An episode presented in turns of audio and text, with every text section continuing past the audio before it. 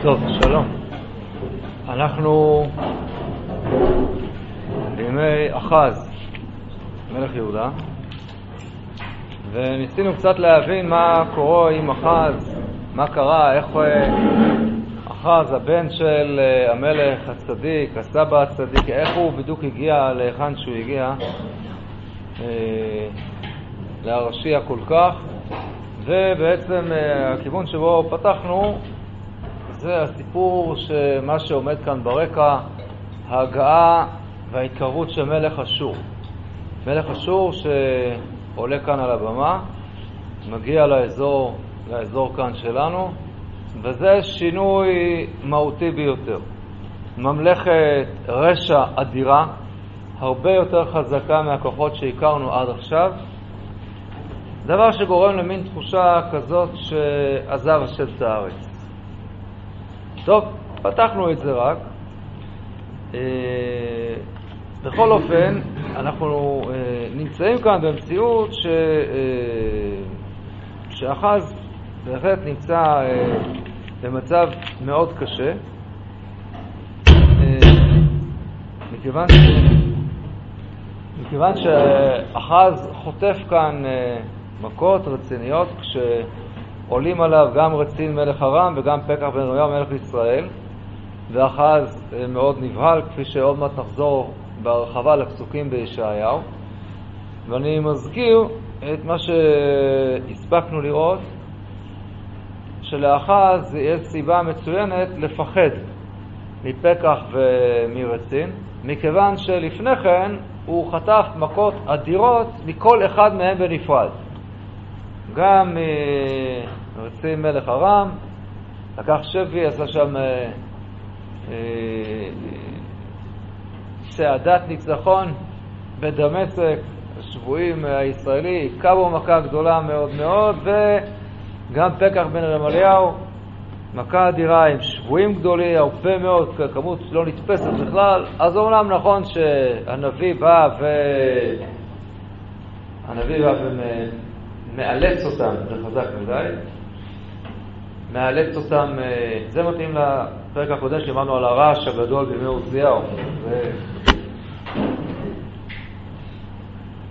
הנביא מאלץ את אה, ממלכת ישראל להשיב את השבויים, ואנחנו הסברנו למה ממלכת ישראל מקבלת מיד את דברי הנביא, מכיוון שכולם הרגישו שהמכה שאחז חטף שם היא מכה לא טבעית, נהרגו כל כך הרבה אנשים מיהודה, ולא מתואר לנו על שום נפגעים בצד הישראלי, גם, גם ישראל הבינו שיש משהו לא נורמלי, אבל בכל אופן, גם רצין וגם פקח חיכו בו מכות גדולות, ואז אנחנו מגיעים לסיפור אצלנו שעכשיו הם עולים עליו ביחד.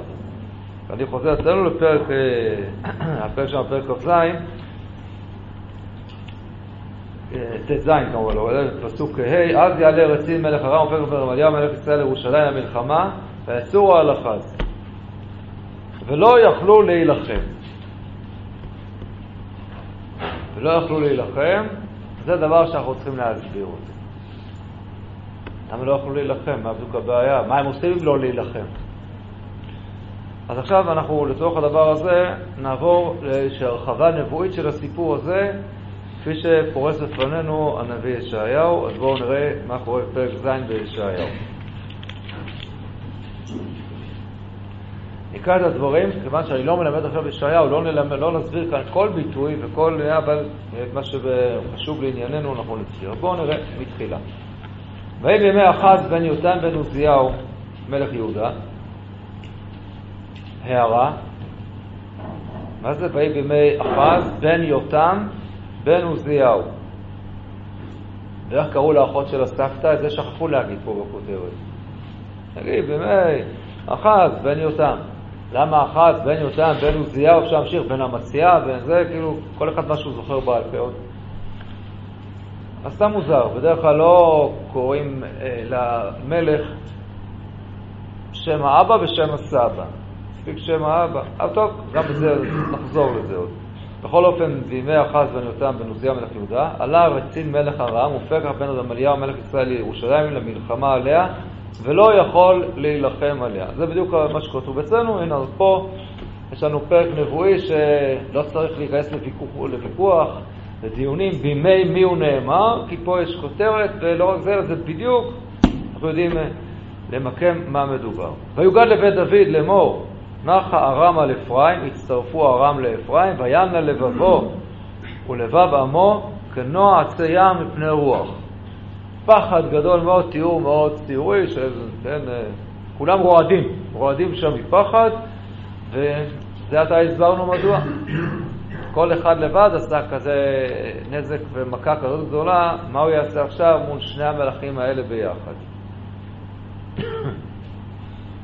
ושוב, הסוד הזה שנאמר בסוף פסוק א', ולא יכול להילחם עליה. מה, למה לא יכול?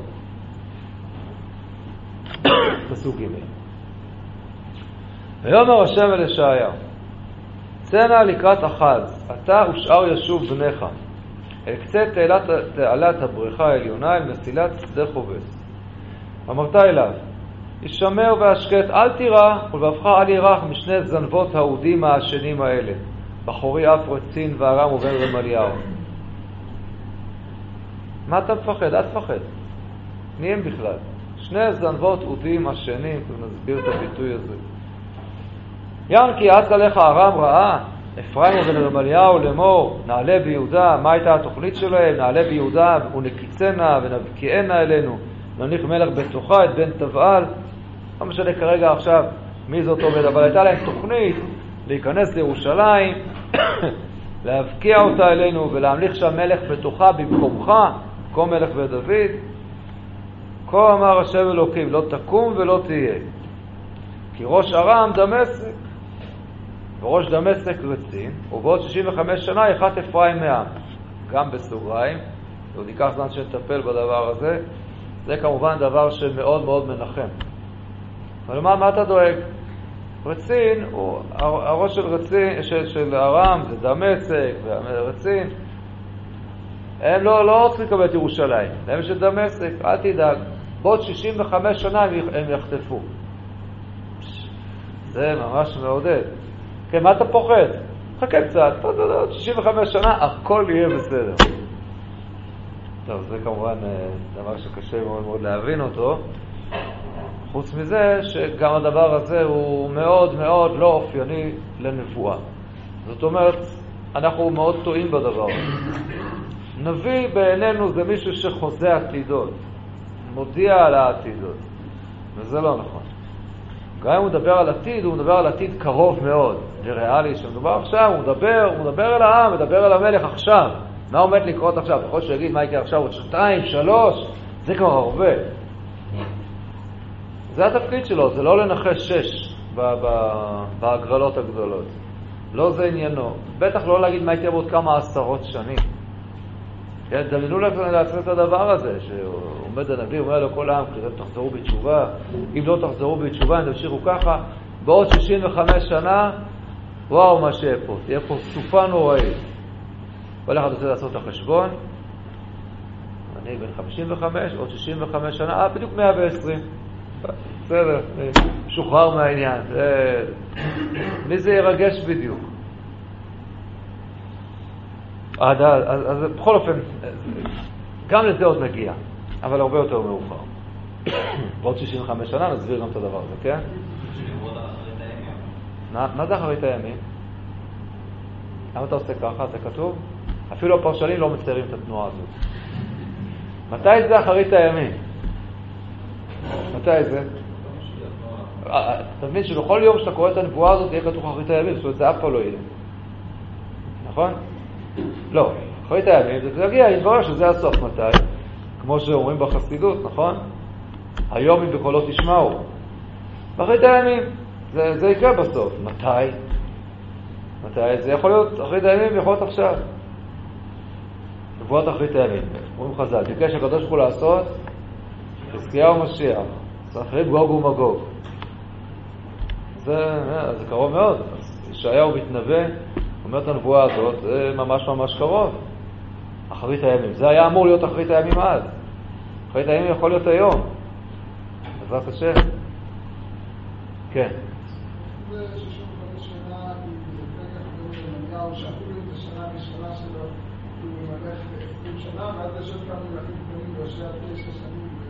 כן, כן, חוץ מזה זה גם לא כל כך מסתדר, אתה אומר, מבחינת המתמטיקה שלו. בסדר, זאת שאלה קטנה, כן, כי זה קרה יותר מוקדם. אני שואל שאלה עקרונית, לא שאלה קטנה, שאלה טובה. כן, אבל בסדר, יטופל. וראש אפרים שומרון, עברתי לפסוק ט', וראש שומרון וברמר, אם לא תאמינו כי לא תאמינו. כלומר, הוא אומר, אין לך מה לפחד, אל תפחד. שני החבר'ה האלה שעולים עליך, שני זנבות אודים השנים. מה זה זנבות אודים השנים? אוד השם, כן, זה בול עץ, אה, שלקחו אותו למדורה. שבסוף כבר נשרף כמעט כולו. לפני שהוא גומר להצטרף לגמרי, אז מה? הוא בדרך כלל הוא מה? עכשיו יוצא ממנו הרבה עשן, זה כבר, זה הסוף כבר, כן? שני זנבות אודים עשנים. זה כבר הזנבות של האודים, כלומר, הם, הם פעם היו, אבל הם, הם כבר לא נשאר בהם כלום. אין שום דבר. מה אתה פוחד? טוב, זה כמובן לא הגיוני להגיד את הדבר הזה. מי שנראה יותר כמו זנב אוד השן זה אחז בעצמו. שני המלכים האלה קראנו, בפעם השלישית כבר, כמה הם היכו בו וכמה זה... מה אתה מדמה אותם של זבות אודים השנים? מי שנראה אחד כזה באמת זה ממלכת יהודה, בהנהגת אחז, שחטפו מכות, מכות, מכות נוראיות. הרגו את בן המלך, את המשנה למלך, וכל מיני דברים ככה, והמספרים הבלתי נתפסים. אז הנביא לוחם אומר פה דבר לא כל כך הגיוני. טוב, פסוק י' ויוסף השם דבר על אחז לאמור.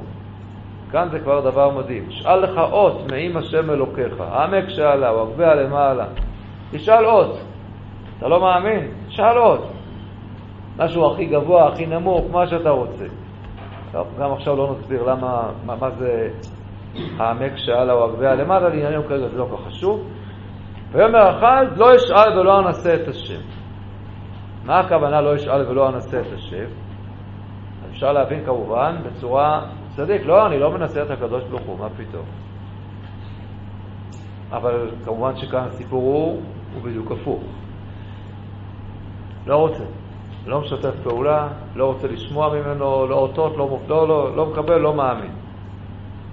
ויאמר שמעו נא בית דוד, המעט מכם הלאות אנשים, כי תלאו גם את אלוקיי. לכן ייתן השם הוא לכם עוד.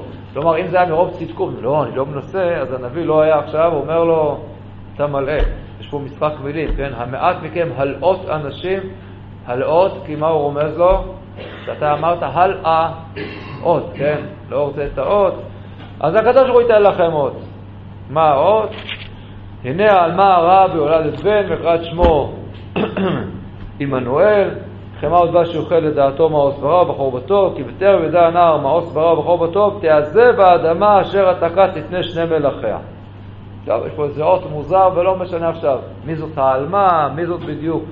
בכל אופן, מה שברור שממש בקרוב מאוד תעזב האדמה מפני שני המלכים האלה שאתה קץ מפניהם, אל תדאג. זה, יקרה ממש במהירות רבה.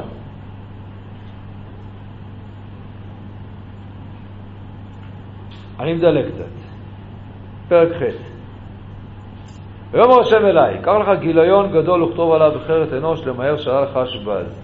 והעיד על ילדים נאמנים וכולי. לא משנה מה זה, עוד פעם, עוד איזה ילד, ויקרא אל הנביאה ותר ותל אדון ויאמר השם אליי, קרא שמו מהר שלל חשבז. אתם מתארים לעצמכם מה קורה כשאימא שלו קוראת לו מגן המשחקים להגיע מהר הביתה. מהר שלל חשבז עד שהיא קוראת לו כבר האוכל להתקרר. אבל טוב, כי בטרם ידע הנער קרוא אביו ואמי, שא את חיל דמשק ואת שלל שומרון לפני מלך אשור. זה שוב, זה יקרה אחד, שתיים. יוסף השם מדבר אליי עוד לאמור. יען כי מאס העם הזה את מי השילוח ההולכים לאט. מי זה מי השילוח ההולכים לאט? אומרים פה כל המפרשים בצדק, כמו מוכרח מההמשך, הלכו בית דוד, הם אלה שנמשכים על השילוח, אז העם הזה מאס אותם, ההולכים לאט, ומסוס את רצינו בן רמליהו. רגע, רגע, רגע, מה, מה הולך פה? זו כבר הפתעה.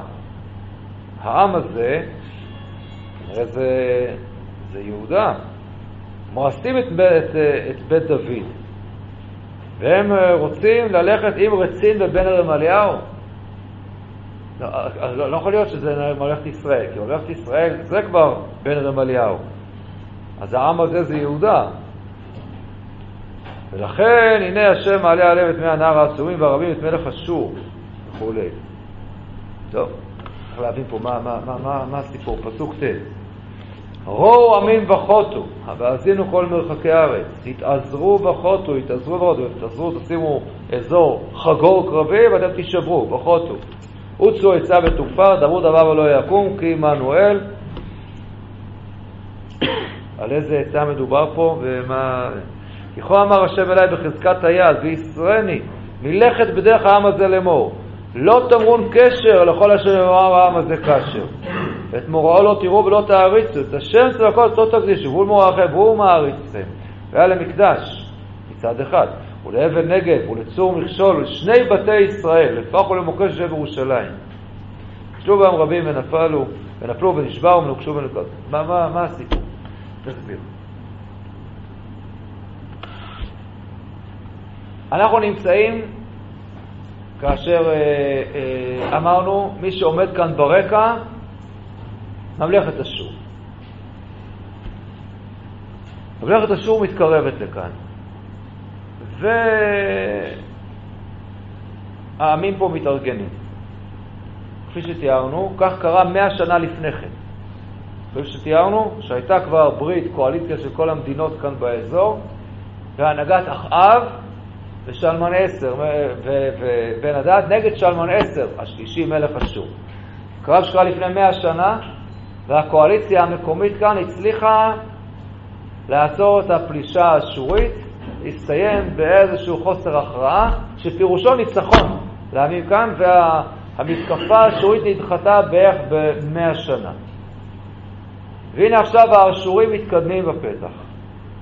וזה מה שכבר נאמר כאן בפסוקים שדילגתי עליהם, עוד רגע נשוב אליהם. ויש כאן התארגנות.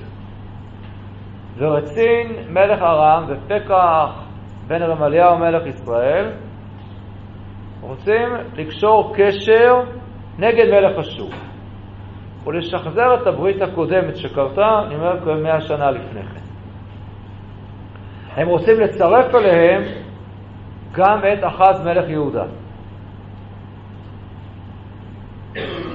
זקוקים לו, עוד נסביר למה, אבל בצורה פשוטה, מול אשור צריך הרבה קואליציה, אז גם אויבים לשעבר, כרגע מול אויב יותר גדול הם מתאחדים.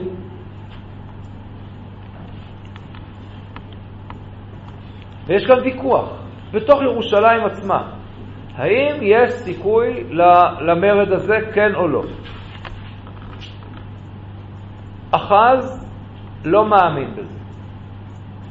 אחז מעריך את המציאות שאין סיכוי. המלך האשורי חזק הרבה יותר מהכוחות שלנו, גם אם נאחד כאן כוחות ואנחנו רק נפסיד מכל הסיפור הזה. ואחז לא מוכן להשתתף. ובזה הוא מרגיז מאוד, כמובן, את רצין ואת פקח, שהם רוצים אותו, נחדד את זה עוד, עוד יותר. אבל מתברר שיש גם מפלגה שלמה בתוך יהודה ובתוך ירושלים, שמה הם רוצים? להשתתף במרד הזה. ויש בעצם לחץ כבד בתוך ירושלים כבר, מפלגות שונות, ויש את הקבוצה הרצינית בתוך ירושלים שרוצה להשתתף באותו הקשר. ונמאס להם ממלך יהודה, אחז, שמתנהל לו כאן בעצלתיים ולא מוכן ולא רוצה להשתתף ולא מוכן לאחד כוחות עם החברים כאן מסביב, לצאת... והתפיסה כאן של בעלי הקשר היא תפיסה מאוד מאוד הגיונית. וכבר היה לנו דבר כזה, וראינו שאנחנו יכולים, יש לנו יתרון גדול עליהם. הם צריכים לבוא במרחק של מאות קילומטרים, באים ממרחק, אנחנו כאן, זה המקום שלנו, אנחנו יכולים להתארגן מבחינת הביצורים, מבחינת אה, אמצעי לחימה, מבחינת מזון ושתייה והכל, אנחנו, יש לנו את כל היתרונות שיש לכוח שמגן על מקומו. והנה כבר ההיסטוריה הוכיחה את עצמה, ושווה, וכדאי. אז קודם כל לגמור את הסיפור הזה של, של אשור. שהוא הולך פה ומגלה ומגלה ומגלה, כאילו, כל מי ש... לא, לא, אנחנו חייבים לעצור אותו, אנחנו יכולים. לא השתנה שום דבר, ויכול להיות אפילו שברגע שמלך אשור רק תשמע שכאן כל, ה... כל האזור מאוחד כנגדו, זה, זה כבר אולי ימנע ממנו לנסות להגיע. הוא למוד ניסיון ממה שקרה בנגלה הקודמת. ולא...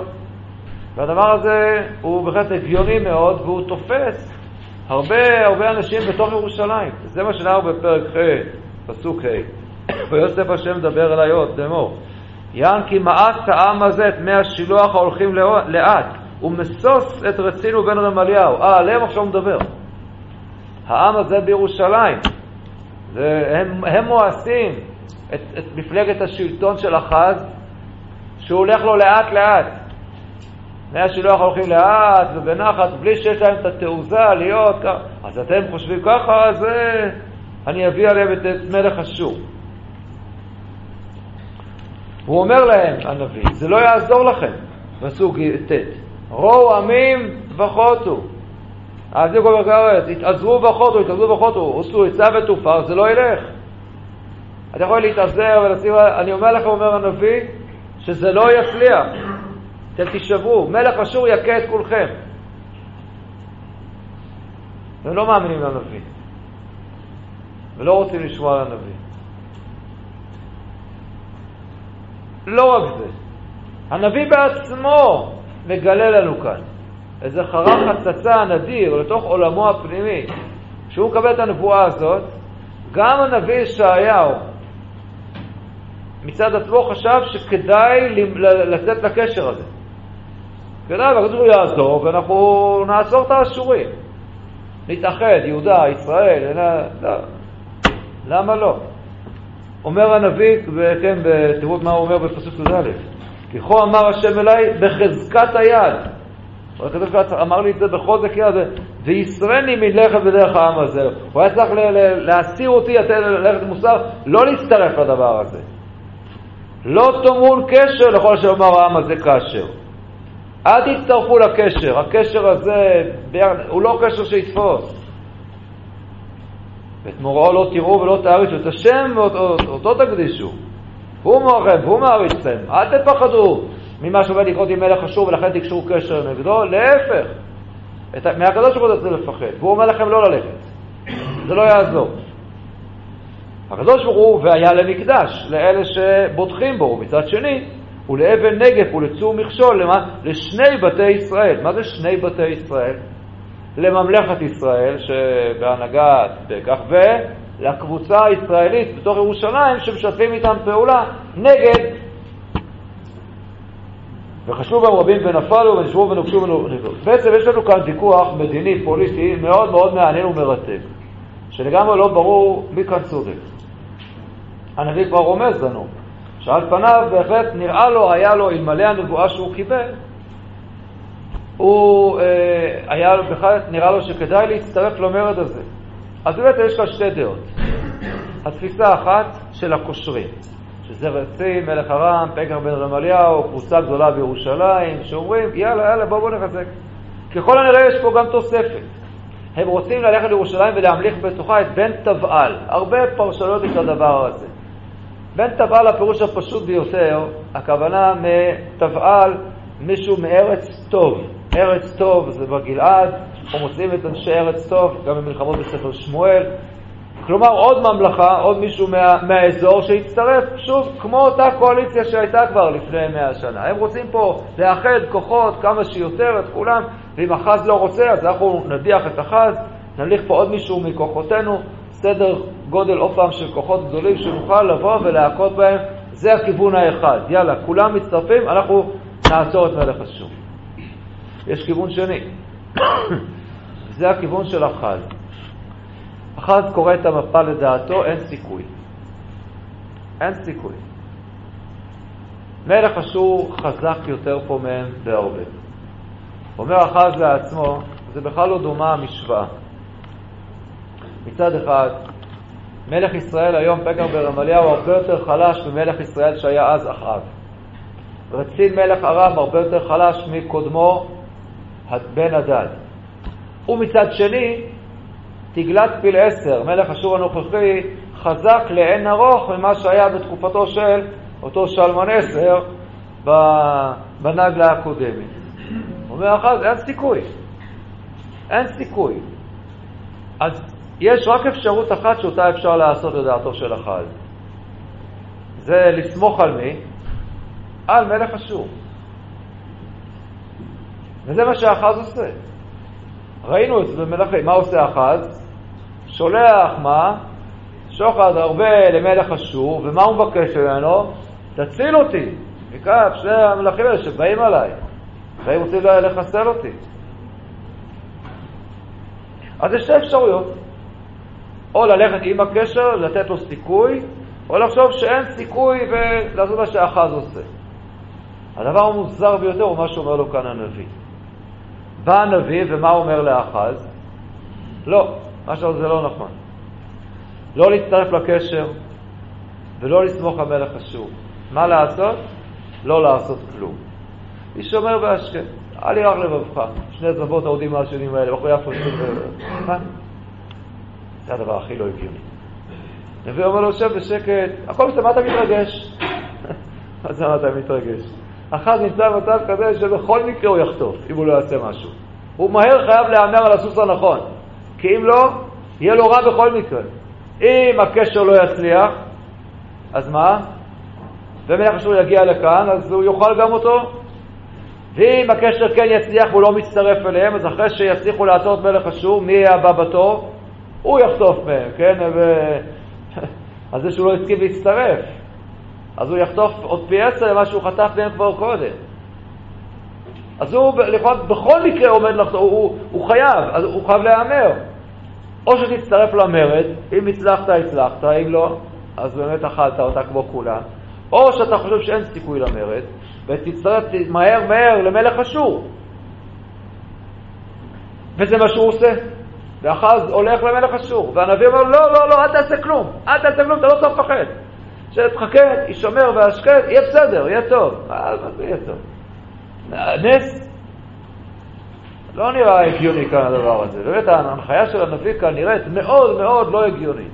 אין בה היגיון כן, מדיני, פוליטי, לכאורה, באמת דבר מוזר ביותר. בכל אופן, מה שעושה אחז, הוא לא שומע לנביא, והוא שולח, כן, כפי שראינו במלך אשור. האם אחז צדק בהערכה שלו? אז בואו נבדוק, נחזור רגע אחד, ונראה באמת אה, מה, מה קורה עם הדבר הזה, אם, אה, האם באמת אה, מלך אשור מספק את הסחורה, האם הוא צדק. תשאירו את האצבע בישעיהו, ונראה האם באמת יש צדק במה שהוא חשב. אז בואו נראה קודם כל לגבי מלך ישראל פקח, מה קרה איתו. פרק ט"ז, ט"ו אצלנו, כבר ראינו. בואו נראה את פרק ט"ו, פסוק כ"ז. יש לכם? בשנת 52 לשנה עזרה מלכדה, מלך פקח בן רמליהו על ישראל, בשומרון עשרים שנה. והיה שרה בעיני השם, לא שר מחטות ירובעם בן נבט שהחטיא את ישראל. בימי פקח, מלך ישראל, בא תגלת פילסר, מלך אשור. זה ש... אחז שלח אליו שוחד, אמר לו, תסיר את רצין מפה, את, את, פקח ואת רצין, מה הוא עושה? ויקח את ציון, ואת אבל ואת מאחה, ואת ינוח, ואת קדש, ואת חצור, ואת הגילה, ואת הגלילה, כל ארץ נפתלי, ויגליהם אשורה. אז מה הצליח הקשר הזה? לא הצליח. מלך אשור בא ומתחילה הגליה רצינית מאוד פה של ממלכת ישראל. וכמובן שבעקבות הדבר הזה גם, רצין, גם פקח לא מחזיק מעמד ויקשור קשר הושע בן אלה, פקח בן רמליהו ויעקב בן מיתהו. אז הסיפור הזה של מלך ישראל צדק אחז. מלך אשור הרבה יותר חזק, גמר עליו. מה עם מלך ארם? זוכרים? ראינו בדברי הימים. מה קורה עם מלך ארם?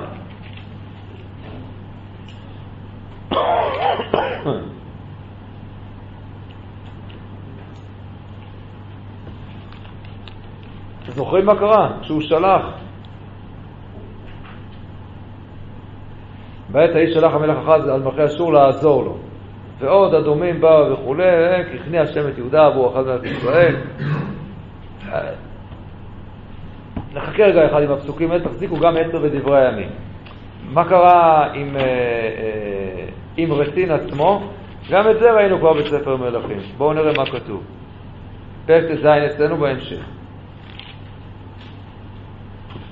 ושיעור אצבע גם בישעיהו. כן? זאת אומרת, קשה עכשיו לעשות אפצ'י, אולי אצבעות דפוסות. אני קורא אצלנו בפרק שלנו שוב את פסוק ז'. וישלח אחז מלאכים אל תגלת פלסטר מלך אשור לאמור עבדך ומנחני עלה והושיעני מכף מלך ארם ומכף מלך ישראל הקומים עליי בניגוד למה שאמר לו הנביא. אבל בכל אופן אחז מבין שלא. מלך אשור הוא החזק והוא עליו הוא מהמר. ויקח אחז את הכסף ואת הזהב הנמצא בית השם ובעצות בית המלך וישלח למלך, למלך אשור שוחד. וישמע אליו מלך אשור והיה מלך אשור אל דמשק ויתפסיה ויעגליה קירה ואת רצין המית אחז אוהב את תגרת פלסטר עם, הד... עם המזבח שכבר דיברנו עליו. זאת אומרת, עם הרבה הפתעה, אין ספק שמי קרא את המפה נכון? אחז. אחז היה יותר, הרבה יותר ריאלי מכל אלה שמסביב, והוא קלט. אין סיכוי, אין סיכוי לקשר הזה. אין סיכוי. ולכן הוא הימר על מלך אשור. וזכה. הנביא אמר לו, לא, לא, אל תלך, אל תלך, אל תלך למלך אשור גם. ואחר זו שמע לנביא וצדק. וזה כמובן דבר אה, רע מאוד. איך זה יכול להיות? נחזור לישעיהו. מה אומר לו, מה אומר הנביא? הפסוקים שדילגנו עליהם, בואו נחזור לפרק ז'. אז בהתחלה מה אומר בפסוק ז'? פרק ז', פסוק ט"ז. כי בטרם ידע הנער מעוש ברע ובחור בטוב, אל תדאג, תעזב האדמה אשר תכנסת לפני שני מלאכיה. זה קרה? קרה. יביא השם עליך ועל עמך ובית אביך ימים אשר לא באו, מיום סור אפרים על יהודה, את מלך אשור. רגע, רגע, מה, מה, מה אומר פה הנביא? זה דבר לא הגיוני. הוא אומר, שני המלכים האלה, אתה עוד תתגעגע אליהם. מי שיגיע יעלה עליך זה מלך אשור, אבל זה לא נכון. כי אחז מה, דווקא בגלל זה מה עושה? הוא כאילו כורת ברית עם מלך אשור, הוא איתו ביחד, הוא לא יוצא נגדו. והיה ביום הוא ישרוק אשר עזבו אשר יוצא יורי מצרים לגרוע שבארץ אשור ובאו ונחו כולם וביום ההוא יגלח השם בתר הצפירה בעברי נהר במלך אשור. מלך אשור יגיע. אני חוזר לפרק ח' הביקורת שלו על המפלגה הזאת בירושלים שרוצה להשתתף במרד. מה אומר ישעיהו? שוב נחזור לפסוק ז' ולכן הנה השם מעלה עליהם את מי הנהר העצומים. אתם לא אהבתם את מי השילוח ההולכים לאט? רציתם אקשן? תקבלו. לכן הנה השם מעלה עליהם את מי הנהר העצומים והרבים, את מלך אשור ואת כל כבודו. ועלה על כל אפיקיו, והלך על כל גדותיו, וחלף ביהודה, עבר ושטף, עד צוואר יגיע. יהיה פה שיטפון אדיר שישטוף את כולכם, כולל את ירושלים. מלך אשור. מה המלך אשור? אחז, זה בדיוק מה שהוא אומר, כאילו, אומר הנביא, מה אתה מדבר? אני הולך לכרות ברית עם מלך אשור, וזה מה שהוא עושה. מה רוצה הנביא? בואו נבין את העומק של כוונת הנביא, אין פה איזה, איזה נס, הוקוס פוקוס. צריך לשמוע על הנביא גם אם לא מבינים, אבל הנבואה שניתנת כאן היא נבואה עמוקה מאוד, דווקא מתוך תפיסה נכונה של המציאות. נסביר.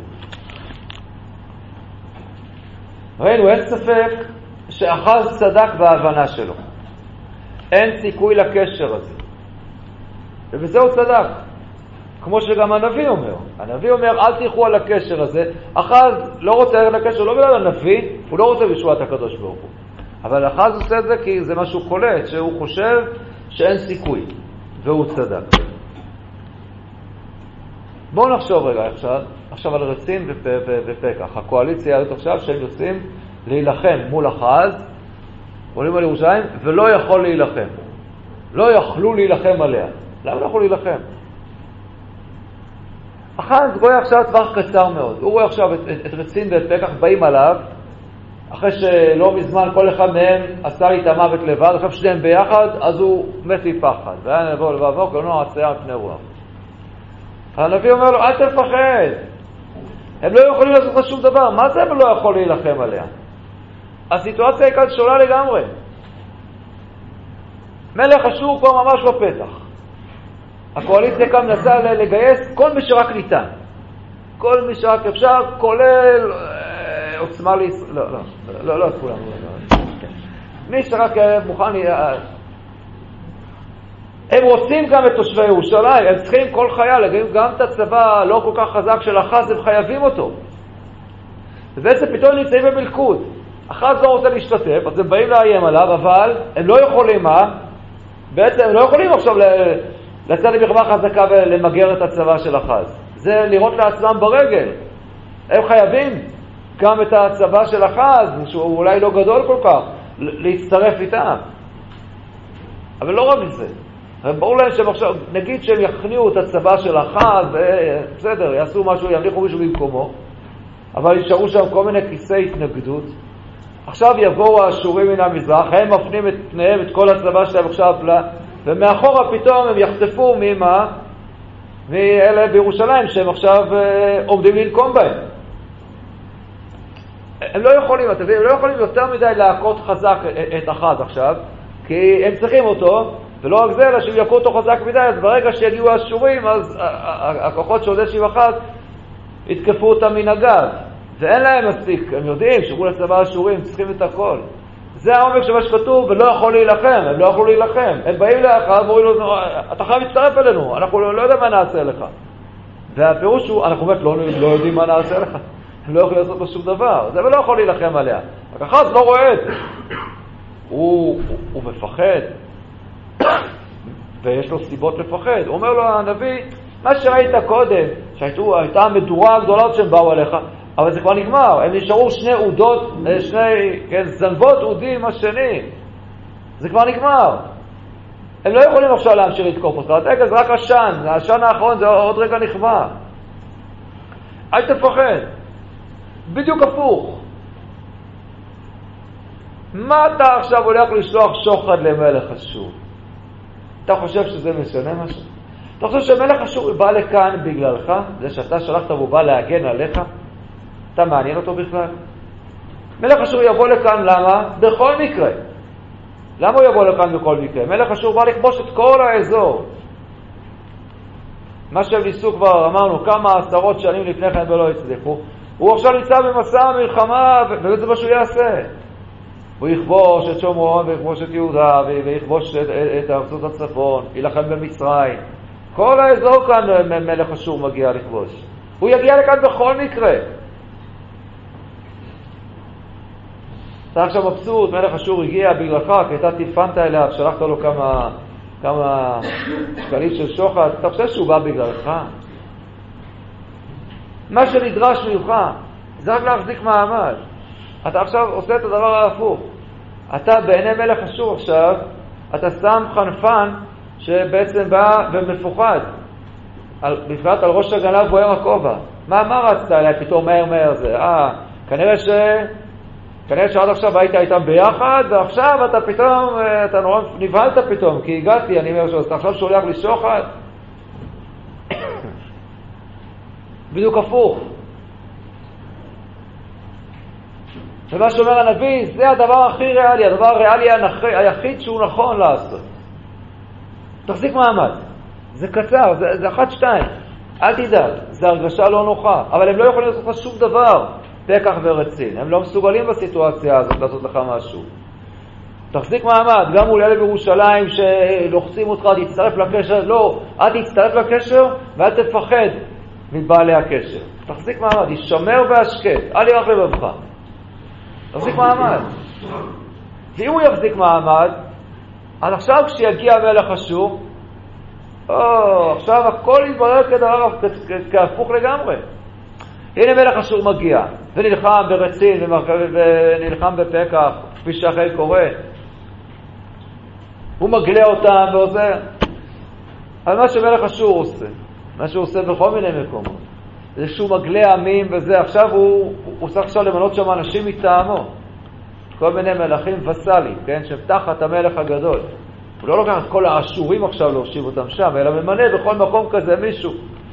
הנה פתאום אתה עכשיו, אם היית נשאר, אם אחת זה היה נשאר במקום שלו, ולא לא שולח שוחד למלך אשור, ומגלה איפוק. מגיע עכשיו מלך אשור, והוא מיד לוודא, רואה שמה, שפקח ורצין, האויב שלהם זה, זה אחז.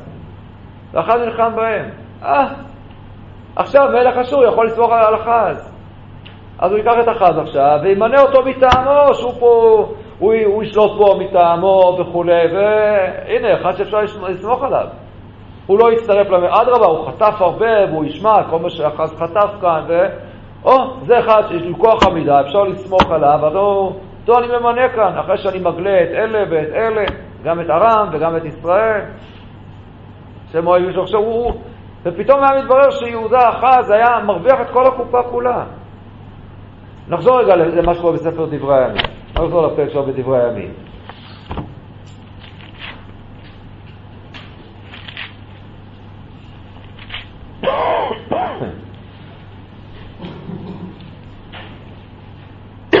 פרק כ"ח, פסוק ט"ז. בעת ההיא שלח המלך אחז על מלכי אשור לעזור לו. ועוד, אדומים באו ויכו ביהודה וישבו שבי. האדומים שבאו ביחד עם רצין מלך ארם, ראינו כבר הרבה את הקשר בין אדם ואדום וארם, דיברנו על זה כבר בהרחבה. אז גם האדומים באו ביתר היכו ביהודה וישבו שבי. ופלישתים פשטו בהרי השפלה והנגב ליהודה. למה? איפה הצבא של, השור, של, של, של אחז? איפה כל הצבא של יהודה? בתור ירושלים, כן, עוד פעם עלו עליו אה, רצין ופקח. אז בעצם כל הממלכה שלו עכשיו, הכל פרוץ. גם מן המערב באים אליו עכשיו, הפלישתים מנצלים את הדבר הזה. אפילו פשוט בהרי השפלה בנגב ליהודה, ויקחו את בית שמש, ואת איילון, ואת הגדרות, ואת סוחו ובנותיה, ואת תמנה ובנותיה, ואת גינזו ובנותיה, וישבו שם. כי הכניע השם את יהודה ועבור אחת מלך ישראל, כי הפריע ביהודה ומעול מעל בה השם. ועד הדבר הכי נורא, ויבוא עליו תלגת פיל נסר מלך אשור, והיה לו ולא חזקו. אחרי שמלך אשור גמר להכות את כולם, עכשיו הוא מתפנה גם להכות באחז. עכשיו את אחז זהו, מה, ועכשיו אחז מסכן, חלק אז בית השם, בית המלך, ויתן למלך אשור ולא ל... למלך אשור ולא לעזרה לו. ובעת עצה עצר לו, ויוסף למעול בה השם הוא המלך אחז. ויסבח לאלוהי דרמסק, זה כמו שכבר ראינו את הדבר הזה. ויאסוף אחז כל כלי בידיים, ויקצץ, ויסגור בכל עיר, בקיצור, ויכעס. תראו מה היה קורה. אם מלך אשור, אה, כאילו, אחד היה מתאפק ולא עושה כלום, מלך אשור היה רואה בו בן ברית אמיתי, לא שותף. לא באותה רמה בכלל, אבל אחד פה מקומי שנוח עליו, אני יכול לסמוך. להציל לו סמכויות, הוא פה ישלוט מטעמי. ואז אחר זה היה אומר לו, אבל גם האדומים באו ועשו לי זה. מה, גם האדומים? צ'יק צ'אק. מלך אשור היה מכה את האדומים. גם הפלישתים. אפילו את בית שמש, אחרי המהפך שלנו, גם בית שמש שבאו לשם. אין בעיה, טפל גם בפלישתים. הוא היה מרוויח כל, הכל הוא היה מרוויח. ממלכת יהודה הייתה יכולה פה לחזור ולהתאושש תחת המטריה הגדולה כרגע של מלך אשור, אבל מלך אשור נותן לו. מה, איך זה יתגלגל אחר כך? עוד חזון למועד. זה העומק של דברי הנבואה. והנביא ממש כמעט מתחנן לאחז, תקשיב, תקשיב למה שאני אומר. ואחז לא רוצה, לא מעוניין. שאל לך עוד ואת השם אלוקיך. בא למר לו עמק שאל, מה שאתה רוצה, תשאל, תראה. ואחז לא מוכן לשתף פעולה. לא מוכן. לא, הקדוש ברוך הוא מבחינתי עזב השם את הארץ, הוא, הוא לא בא. אחז מאמין בקדוש ברוך הוא, הוא יודע מי זה הקדוש ברוך הוא, אבל הוא רואה פה שלא, הקדוש ברוך הוא כנראה, זהו, מאפשר את ההשתלטות האשורית הגדולה הזאת. הרי גם אתה הנביא מבטיח לי שמלך אשור יבוא לכאן. אז איפה הקדוש ברוך הוא?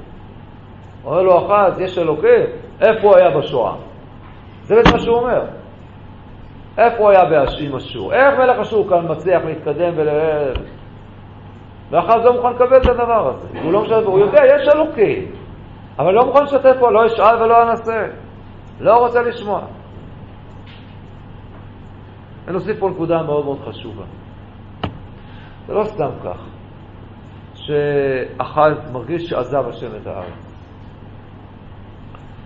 רעידת האדמה הגדולה, הרעש הגדול שהיה בימי סבא שלו, בימי עוזיהו. זה דבר שעשה רושם גדול. אתם זוכרים, ראינו, הרעש הזה, הנביאים מדברים עליו.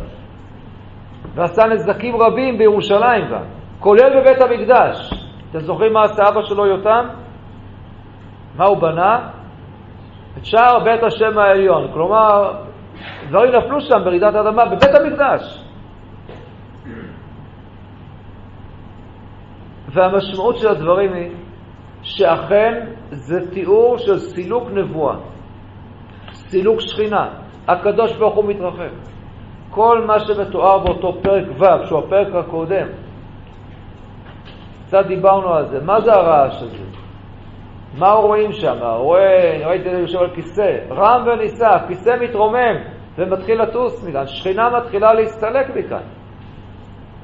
הוא רואה שם את המהלכים, שרפים עומדים למעלו, שש כנפיים, שש כנפיים לאחת, שתיים יחסי פניו, ושתיים יחסי רגליו, ושתיים יעופף. מה זה בשתיים יחסי פניו? מה הכוונה שהרי מכסים את הפנים? זה תיאור של מה? של הסתר פנים, סילוק שכינה. ושתיים יחסי רגליו, דיברנו, זוכרים מה, מה, מה הדימוי שאמרנו? כאילו, כמו מטוס שמה? כונס את הגלגלים, ובשתיים יעופף. שכינה מתחילה להסתכל, זה מה שרואים שם, ורעש ואש, גחלי, וכאילו, וינועו אמות הסיפים מכל הקורא, הכל רועד שם. שכינה מסתלקת מירושלים, מתחילה להתרחק. והכל רועד והכל נופל והכל אה, פחד אימים. ויחד עם סילוק השכינה יש סילוק נבואה.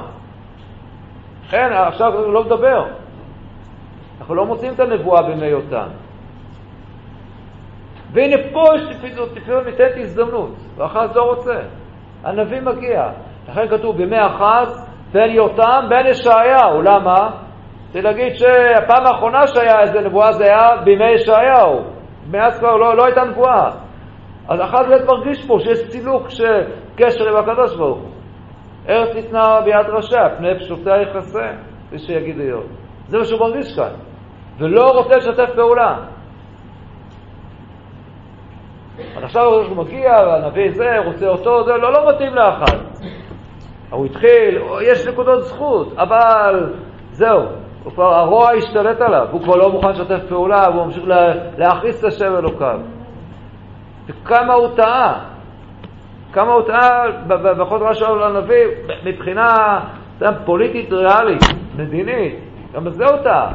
לא, הנביא לא אמר פה איזה שטות, או איזה משהו לסמוך על הנס. הוא בעצם, בתוך הסיטואציה המורכבת והקשה הזאת, הוא נתן את הפתרון היחיד שהיה יכול להיות נכון, שהיה מאפשר את הישרדותה של ממלכת יהודה, ואחר כך עוד מה, ואת שיקומה. מה יהיה עם אשור? אה, הקדוש ברוך הוא יודע מה זה עם אשור. מה, אי אפשר להסתדר עם אשור? אז אנחנו יודעים, אה, אז זה יקרה לא בימי אחת, בימי אבא שלו. אה, בימי הבן שלו, בימי חזקיהו, שזה עוד מעט. אז אנחנו רואים שהקדוש שולח מלאך, ומלאך השם מצליח להכות במחנה אשור לא רע בכלל. נכון שאשור זה צבא מאוד מאוד גדול, בכל אופן הקדוש ברוך הוא מצליח איכשהו להסתדר אפילו עם זה. זה כשהוא גייס למלחמה שלו באשור מלאך אחד בלבד. תראו לכם שהקדוש ברוך הוא באמת היה מתעצבן על אשור ושולח שלושה מלאכים. וואו, זה כבר... לא, זה אפשר. הייתה פה הזדמנות. ואחז לא הסכים לשתף עם זה פעולה. לא, אין אלוקים פה, הוא לא זה, הוא, הוא נמצא, אבל הוא לא מעניין אותו מה קורה איתנו, אז גם אני לא מעניין אותי. אז אני הולך ללכת, אז אני הולך עם הכוח החזק, שהוא עכשיו מוביל, הוא מנהל את העולם. מלך אשור. אני אפילו זובח לאלוהי ארם, כי אלוהי ארם נתנו לי כאלה מכות לפני כן, כמו שתיארנו לפני שבועיים. הקדוש ברוך הוא לא מתערב. נכון שאלוקי ארם הפסידו בסוף כל ההסברים שנתנו, אבל אחז לא מעניין אותו. זהו, עכשיו הקדוש ברוך הוא נתן פה כל מיני אלילים כאלה, לאלוהי הרע ואלוהי אשור, כולם הם פה, הם מנהלים את העולם.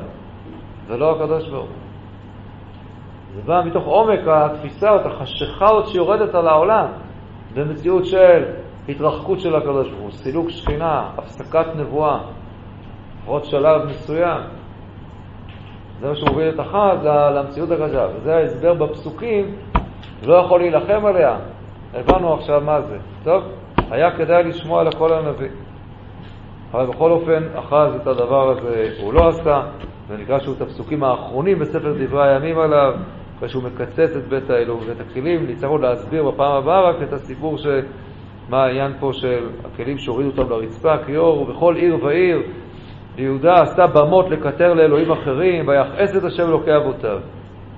ויש זה בכל דרכיו הראשונים והאחרונים אינם כתובים לסדר במלכי יהודה וישראל, נשכב אחת עם אבותיו וגרו בעיר ירושלים, כי לא הביאו לקברי מלכי ישראל, אלא חזקיה ובנו תחתיו.